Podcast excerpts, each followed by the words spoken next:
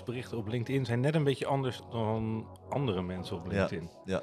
Want die zijn vooral gericht op zijn leven. En niet zozeer op dat de Hoge Raad weer een arrest heeft gewezen over weet ik veel wat, niemand interessant vindt. Maar Roel die schrijft dan een heel verhaal over dat hij naar de sportschool is geweest met Peer. zijn toffe Peer. En dan, dan krijg je daar gewoon ja, pagina's lange uiteenzetting over zijn streefgewicht wat hij dan niet haalt. ja, dat zijn toch dingen die opvallen in alle zakelijke berichten. En dat is toch gewoon dat, dat, dat, dat- die drie minuten Roel kop op mijn dag. Dat maakt toch gewoon altijd net weer een beetje dat ik er een vrolijk gevoel van krijg.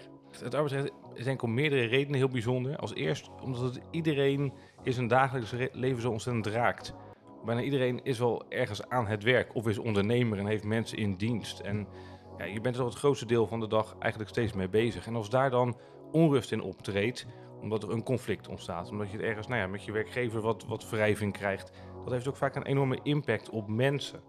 En als je daarin iets kan betekenen voor een ander, dan ja, denk ik dat je in de arbeidsrechtelijke dienstverlening een van de mooiste banen hebt die, je- die je kan bedenken. Want je kan echt mensen helpen in ja, hun bestaan. Dat vind ik mooi. In deze episode gaan we in gesprek met Pascal Kruid, prominent jurist, advocaat en hoogleraar op het gebied van arbeidsrecht. Samen met Roel Kop duiken we in de anekdotes en verhalen uit Pascal's carrière. Blijf luisteren. Waar ken je Roel eigenlijk van? Roel, Roel ken ik eh, van de cursussen. De cursussen van de eh, Gelderse Advocatenvereniging. Ik denk dat we daar elkaar voor het eerst ontmoet hebben. Bij de VARA, ja. De VARA. Ja. Ja, dat was Roel een eh, heel aanwezige cursist. ja. Ja, hoe zou je Roel omschrijven als student? Druk. Oh, dru- hemel, druk. Als een advocaat het goed heeft, dan zegt hij altijd... ik heb het druk, druk, druk. Maar ook enthousiast. En leergierig. Ja. Nee, ik herinner me nog dat wij elkaar voor het eerst zagen bij de VARA. En eh, toen zei jij, ben jij Roel Kop? Die advocaat van die berichten op LinkedIn. En toen hoefde ik alleen maar te zeggen, ja, dat ben ik. En zo, zo maakten wij kennis. Ik was eigenlijk een beetje fan van Roel al. Voordat ik hem voor het eerst gezien had. Jij hebt dat heel vaak gehoord, dat mensen jou kennen via je LinkedIn. Ja, dat is een beetje raar ontstaan, eh, Pascal. Ik weet niet of je dat weet. eh, tijdens eh, corona. Dat kwam eh, in ons land in 2020 bij het schrikkeljaar dat februari eh 29 dagen had. En dat weet ik nog zo goed, omdat eh, toen een van mijn eh, vriendinnen had haar eh, trouwdag eh, op de 29 Ze was maar één keer in de vijf jaar te vieren. moest altijd heel erg om lachen. Maar toen eh, reed ik dus ergens naartoe. En eh, dat was wel interessant, want toen wisten we dat corona binnenkwam. En toen heb ik eh, gezworen, richting mijn dochter en richting mijn collega's... dat zolang corona er was, dat ik zou schrijven elke dag één bericht op LinkedIn. En hoefde maar één iemand te liken... En dan was ik een tevreden man, want dan had ik weer iemand die misschien zielig alleen thuis zat, of in ieder geval zoekende was, in ieder geval niet op het werk was, eh, een gevoel van gelukzaligheid gegeven, of in ieder geval een glimlach op de. Ja, geluk, het is allemaal een beetje overdreven, maar een gelukkig moment gegeven. Eh, dus zo ben ik ermee begonnen. Dat is nu al, eh, ja, dus langer dan drie jaar geleden. Dus ik schrijf langer dan drie jaar elke dag één bericht op LinkedIn. Dus dat, dat klopt. Ja, en Roels berichten op LinkedIn zijn net een beetje anders dan, dan andere mensen op Ja, LinkedIn. ja. Want die zijn vooral gericht op zijn leven. En niet zozeer op dat de Hoge Raad weer een arrest heeft gewezen over weet ik veel wat, wat niemand interessant vindt. Maar Roel die schrijft dan een heel verhaal over dat hij naar de sportschool is geweest met Peer. zijn toffe Peer. En dan, dan krijg je daar gewoon pagina's lange uiteenzetting over zijn streefgewicht wat hij dan niet haalt. ja, dat zijn toch dingen die opvallen in alle zakelijke berichten. En dat is toch gewoon dat, dat, dat, die drie minuten Roel kop op mijn dag, dat maakt toch gewoon altijd net weer een beetje dat ik er een vrolijk gevoel van krijg. Nou, en wa- wat schetst ieders verbazing dat ik ook al een fan van Pascal was. Dus toen werd 1 plus 1 3. Uh, Ja, wij aan tafel tegenover elkaar. Ja, dat was heel gezellig bij het eten. Ja, ja. Zo kwam het eigenlijk. Dus En sindsdien vo- eh, volgt Roel ongeveer elke cursus die ik geef. Want elke keer als ik dan weer een zie ik op de deelnemerslijst staat weer Roel Kop. Ik denk van, nou, dat is mooi. Dus, maar, je, maar je weet, Pascal, al docerende leert men het meest. hè? Dus, helemaal eens. dus Pascal leert meer dan ik. Eh, dus ik, ik probeer een goed leerling te zijn. ja, dat ben je zeker. Ja. Zou je kunnen omschrijven wat het arbeidsrecht zo bijzonder maakt? Het arbeidsrecht. Het arbeidsrecht is denk ik om meerdere redenen heel bijzonder. Als eerst omdat het iedereen in zijn dagelijks leven zo ontzettend raakt. bijna iedereen is wel ergens aan het werk of is ondernemer en heeft mensen in dienst. En ja, je bent er het grootste deel van de dag eigenlijk steeds mee bezig. En als daar dan onrust in optreedt, omdat er een conflict ontstaat, omdat je het ergens nou ja, met je werkgever wat, wat wrijving krijgt, dat heeft ook vaak een enorme impact op mensen. En als je daarin iets kan betekenen voor een ander, dan ja, denk ik dat je in de arbeidsrechtelijke dienstverlening een van de mooiste banen hebt die, uh, die je kan bedenken. Want je kan echt mensen helpen in ja, hun bestaan. Dat vind ik mooi. Ja, dat, dat herken ik natuurlijk wel. Uh, kijk, in de westerse wereld uh, is werken echt heel erg belangrijk. Hè? Dus uh, je werkt minstens, in ieder geval als je mee wil doen, 40 uur. En we hebben laatst op nu.nl gelezen dat alle ja. advocaat-stagiairs op de Zuidas in ieder geval dubbele, misschien wel het keer drie halen. Nou, dat is veel te veel, dat is gekkigheid. Ja. Maar in de westerse wereld is werken echt belangrijk. En, en ja, een beetje flauw, maar je telt pas mee als je werkt. Ja, nou, ik denk dat het wel zo is. Ja. Het, maakt een groot deel van iemands bestaan uit. En we zijn ook heel erg bezig met ja, zelfontwikkeling, zelfontplooiing en ja, daarin, daarin groeien. En als dan in, in, in dat pad een soort van kink komt, omdat er uh, strubbelingen met de oh. werkgever ontstaan, nou, dan, dan is het mooi om daaraan een bijdrage te kunnen leveren. Of als ondernemer zijnde, nou ja, een rol zijn wij natuurlijk allebei. Dan, je bouwt aan een bedrijf. Je wil dat het goed gaat. Je doet je best. En met ziel en zaligheid zet je iedere dag in om dat een succes te maken. En ja. als daar dan met werknemers problemen ontstaan, omdat ze elke keer ziek zijn, omdat ze hun werk niet goed doen, ja, dan is het ook fijn als iemand jou bij de hand neemt en zegt van kom, we gaan het samen oplossen en zorgen dat je weer verder kan. Dus je kan eigenlijk, of je nou aan de werkgeverskant of aan de werknemerskant staat, je kan altijd iets betekenen wat op gewoon de dagdagelijkse bezigheden veel impact heeft op, uh, op mensen. En ja, dat, dat, dat vind ik een mooi werk. Ja, wat, wat, wat, wat ze zeggen, hè, dat uh, het persoon- en familierecht, dus echtscheidingen en het arbeidsrecht het dichtst bij de mensen zit. Dus ja. je zou kunnen zeggen dat het uh, mensen-mensenrecht is. Dat klinkt een beetje raar, maar het is niet business to business. Het is ook niet business to consumer, dat kan wel, hè, werkgever, werknemer. Maar het kan ook zelfs uh, consumer, consumer. Dus, dus snap je, het is heel dicht bij de mensen. En uh, waarom is arbeidsrecht dan, vind ik, leuker dan persoon- en familierecht? Omdat de werkgever, een van de twee heeft bij ons vaak wel geld. En als mensen gaan scheiden, dan wordt het alleen maar alle twee nog minder. Ja, en ik denk dat aan het werk er ook wel een zakelijke component zit. Ik denk, bij die scheidingen zit je toch altijd wel heel erg in het, nou ja, nog meer in het persoonlijke en in het emotionele. Terwijl bij het werk zit er een soort van het heeft dan een zakelijke dimensie. En dat is dan, ja, dat, dat trek ik zelf iets beter dan als je helemaal in de, ja, in, de in de persoon- en familierecht weer. Kijk, bij, bij uh, persoon- en familierecht zou je nog wel het liedje kunnen zingen. CD van mij, CD van jou, CD van ons allebei.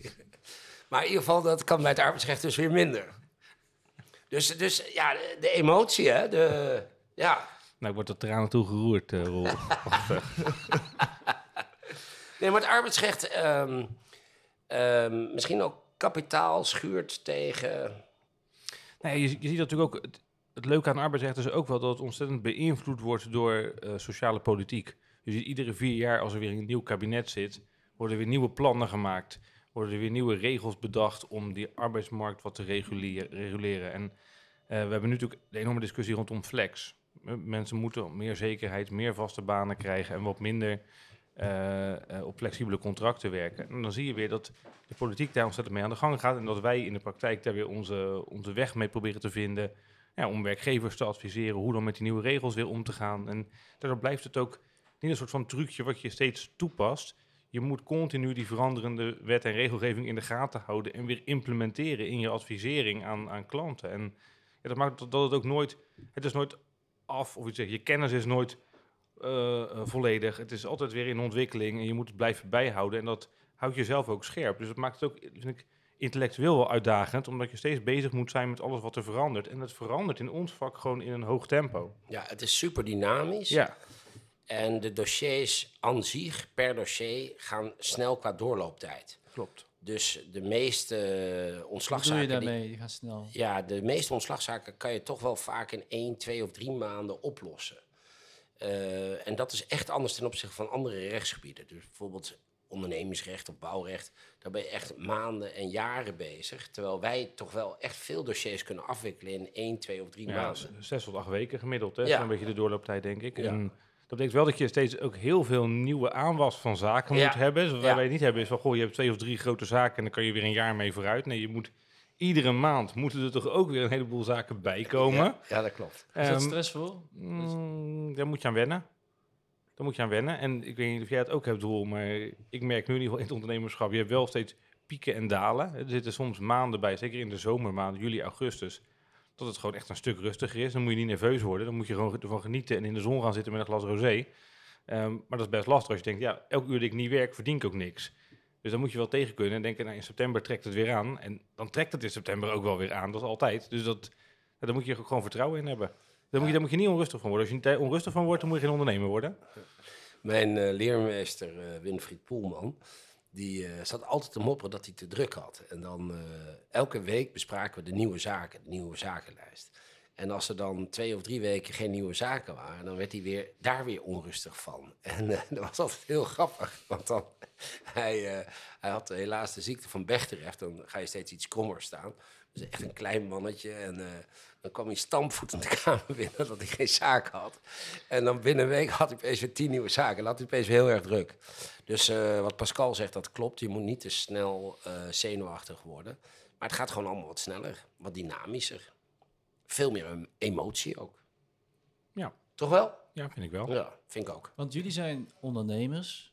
Hoe hebben jullie daar respectievelijk voor gekozen om dat toch een eigen kantoor te beginnen? Ehm, ja, het was bij mij ook wel een beetje... Ik had bij, bij drie verschillende kantoren gekeken eh, en gewerkt. Laatst bij Boontje eh, in Amsterdam aan de Zuidas. Dat was echt een ontzettend mooi kantoor. Daar heb ik met heel veel plezier gewerkt, met echt goede mensen. Maar ik merkte wel dat... eh, ik ben drie jaar geleden gescheiden. En toen moest ik om de week voor mijn kinderen zorgen. Mm. Dat dan vanuit mijn woonplaats naar Amsterdam heen en weer pendelen, dat dat, dat dat eigenlijk gewoon een te zware impact was. En dat, dat lukte gewoon niet meer. Zeker niet in de weken dat ik voor de kinderen moest zorgen. Dus ja, toen heb ik ervoor gekozen om dat gewoon dichter bij huis te regelen. En ik ga nu voor mezelf beginnen. En dan kan ik dat een beetje wat flexibeler om elkaar heen eh, plannen. Ik moet zeggen, dat eh, is een enorm goede beslissing geweest. Want je hebt ook veel meer vrijheid en flexibiliteit. Ik zeg niet dat het rustiger is geworden, zeker niet. Maar het, is wel, eh, het geeft je wel meer ruimte om gewoon het op je eigen manier in te richten.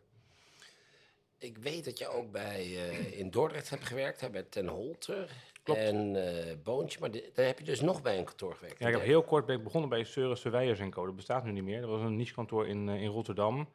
Maar dat, dat heb ik maar anderhalf jaar gezeten. En toen ja, splitste dat kantoor eigenlijk uit elkaar. Toen Als advocaat stagiaire. ja, als stagiair. Ja, ja, Toen- ben ik naar, ben ik naar Ten Holter gegaan. Nou, een beetje vergelijkbaar wat Pascal vertelt. Ehm, ik ehm, ben net, was bij mij andersom.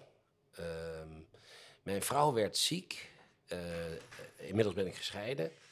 En uiteindelijk, ehm, ja, door allerlei omstandigheden en discussies, eh, ben ik een eigen kantoor begonnen. een beetje in diezelfde periode, denk ik. Welk jaar? Ja, 2013.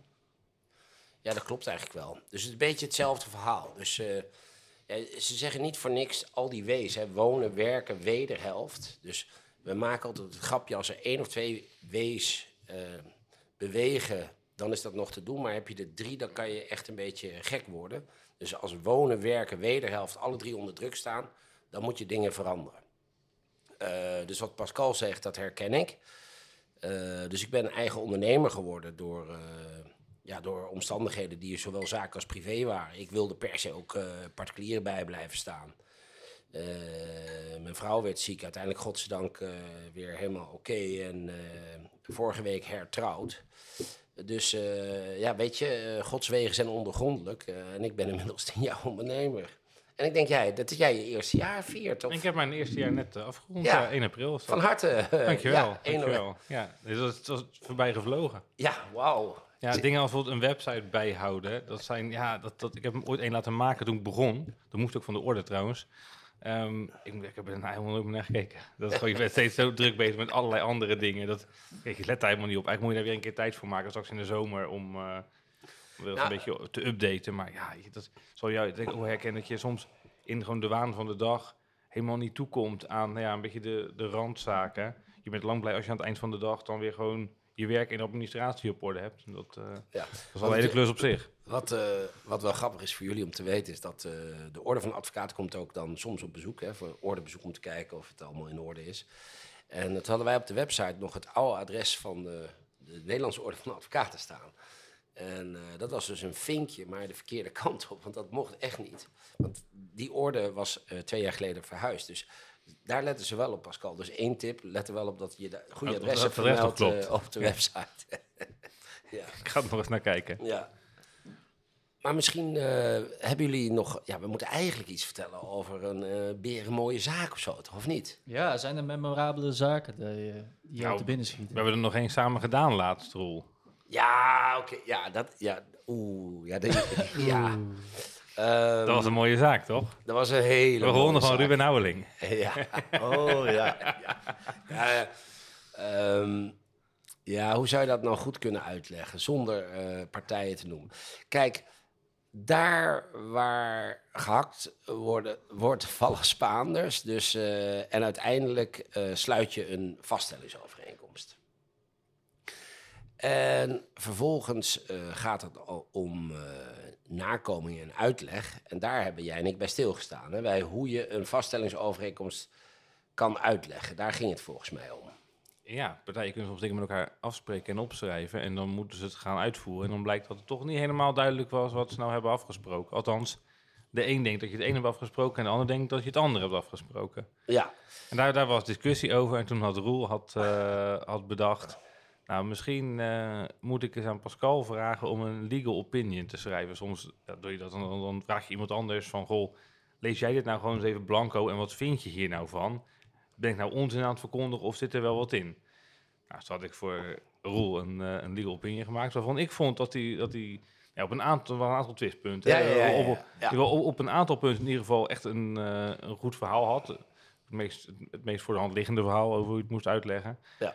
Eh, maar wat ik niet wist, dat Roel stond de werknemer bij, dat de werkgever in de tussentijd ook een legal opinion had ingewonnen bij mijn oud-collega en goede vriend Ruben Houweling, hoogleraar arbeidsrecht in Rotterdam. Daar, nou ja, daar werk ik al, eh, al 15, 16 jaar mee samen. En, ja. Een soort proxyoorlogje.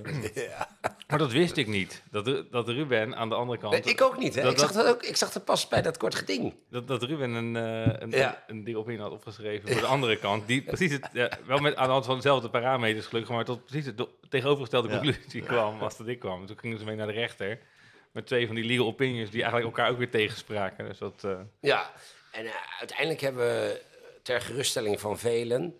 eh, hebben we die zaak eh, na een aantal uitspraken nog steeds eh, minderlijk afgedaan. Dus eh eind goed, al goed, eh, zand erover, eh, snel vergeten. Maar de- op zich, dat was mooi. we hadden wel gewonnen. Eh, ja. Je zei, je zei het ook en Ja. toen dacht ik, voor mij hebben we Nee, zaak maar- eh, volledig ja, het is wel een beetje, een beetje lastig. Ja, maar, Twee van de nee, drie. Nee, maar kijk. ehm, daar waar je een legal opinion gaat inwinnen als advocaat, dan doe je dat natuurlijk niet zomaar. Die legal opinion, eh, die kan je verkopen aan je eigen klant, die kan je verkopen aan de wederpartij en die kan je verkopen aan de rechter. Eh, je doet dat eigenlijk om een, om een soort objectiviteit of neutraliteit kenbaar te maken, omdat, omdat er meerdere wegen zijn die naar Rome leiden. Vroeger deden we dat altijd bij Rogier Duk. De man eh, die met zijn dicteerapparaat vijf secretaresses aan de slag hield. Ja, dat is knap. En die vroeg, die vroeg altijd maar 1000 of 2000 euro voor zijn legal opinion. En eh, dat is hem altijd heel erg goed bevallen. Maar Rogier Duk is volgens mij met pensioen. Die werkt in ieder geval niet meer als advocaat. Nee. Nee. Dus eh, ja, toen had ik daar een lancune. Dus een, ja, een openliggend terrein. Toen dacht ik, nou, ik zal eens aan Pascal Kruidvaart, die net voor zichzelf begonnen is. Een, hè? Kan wel een klusje gebruiken. Ja.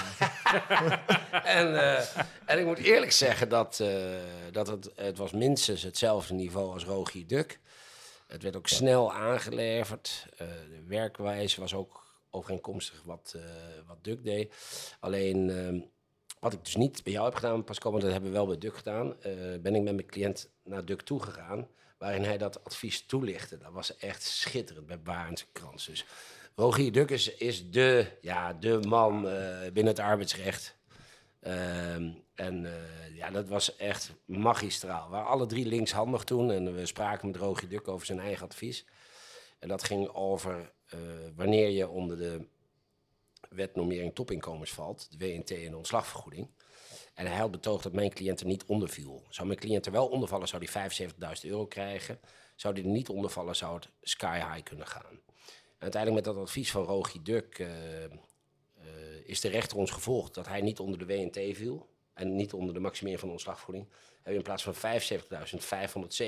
euro gekregen. Zo zeg. Ja, dat was, oh, die oude tijd, hè. Toen jij promoveerde. De, de ontbinding, de 685. Wat, wa- dat waren mooie tijden, jongens. Ja, het was een heel ander systeem dan wat we nu kennen natuurlijk.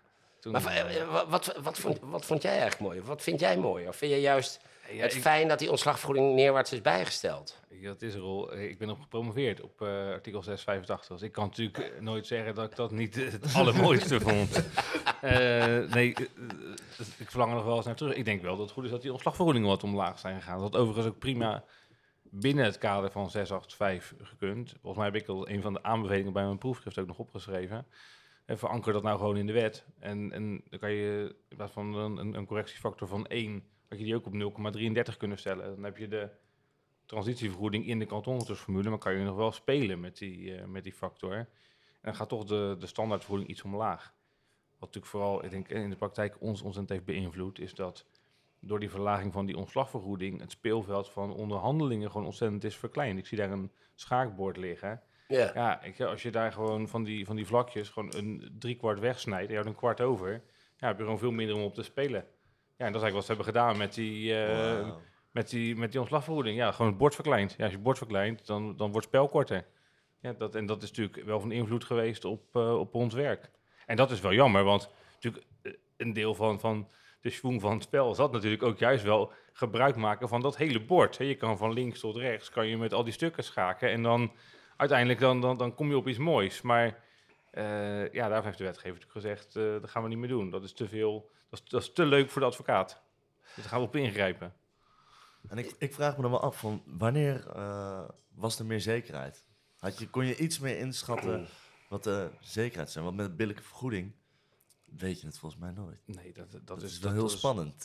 Dat blijft nog steeds een soort van black box natuurlijk. Het enige wat je daarvan kan zeggen is dat die ja, natuurlijk niet zo vaak wordt toegekend als voorheen de kantonrechtersformule. Want die was altijd aan de orde.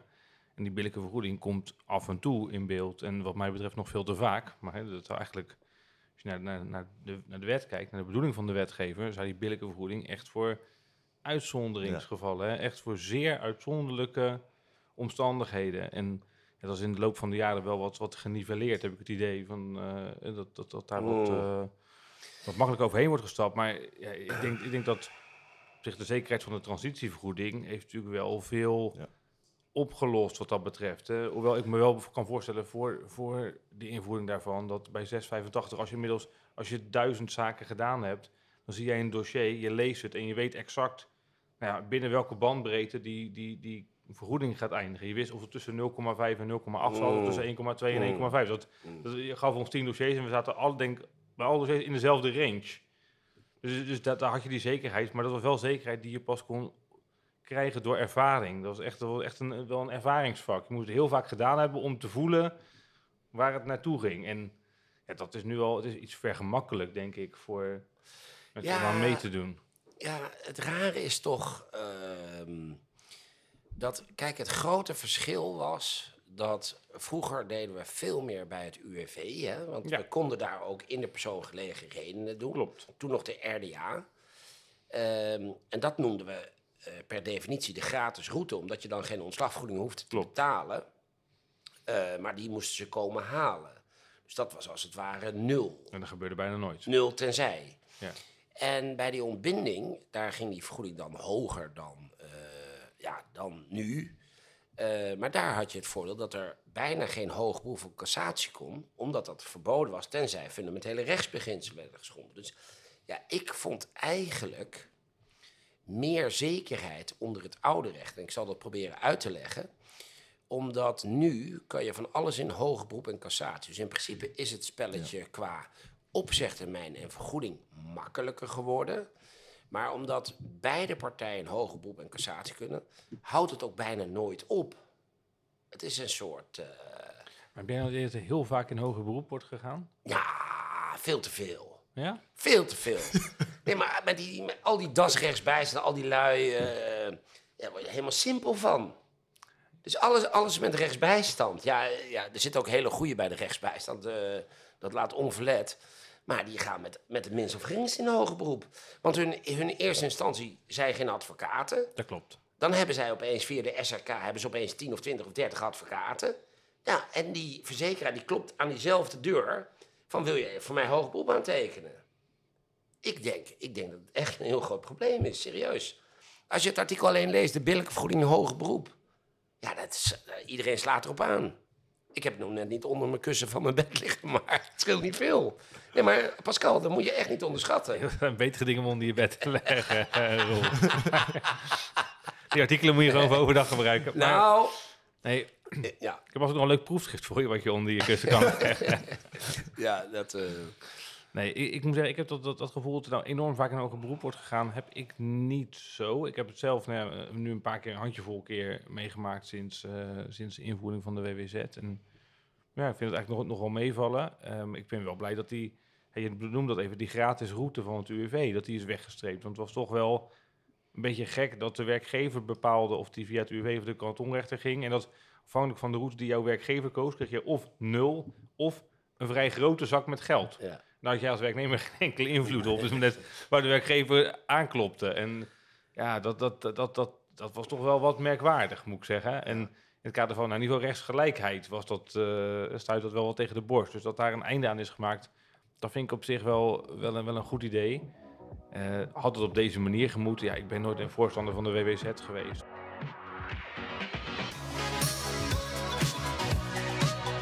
Als je vragen hebt over het besproken onderwerp of als je juridische hulp nodig hebt, neem dan gerust contact met ons op via www.kopadvocaten.nl.